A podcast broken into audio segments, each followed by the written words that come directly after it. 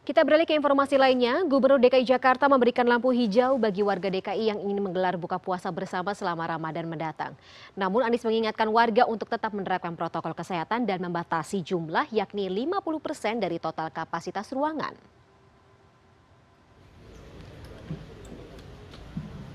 Dalam pernyataan pers usai sholat Jumat di Masjid Istiqlal, Anies Baswedan menyatakan nantinya setiap tempat makan akan diminta untuk menerapkan disiplin protokol kesehatan COVID-19. Para pengunjung juga diminta untuk tidak membuka masker kecuali saat makan. Pada pembatasan operasi tahap kedua, kafe dan restoran Lebih lanjut, Anies menjelaskan bahwa nantinya Pemprov DKI akan membuat aturan untuk pelonggaran jam malam restoran karena pada saat Ramadan aktivitas warga lebih banyak di malam hari.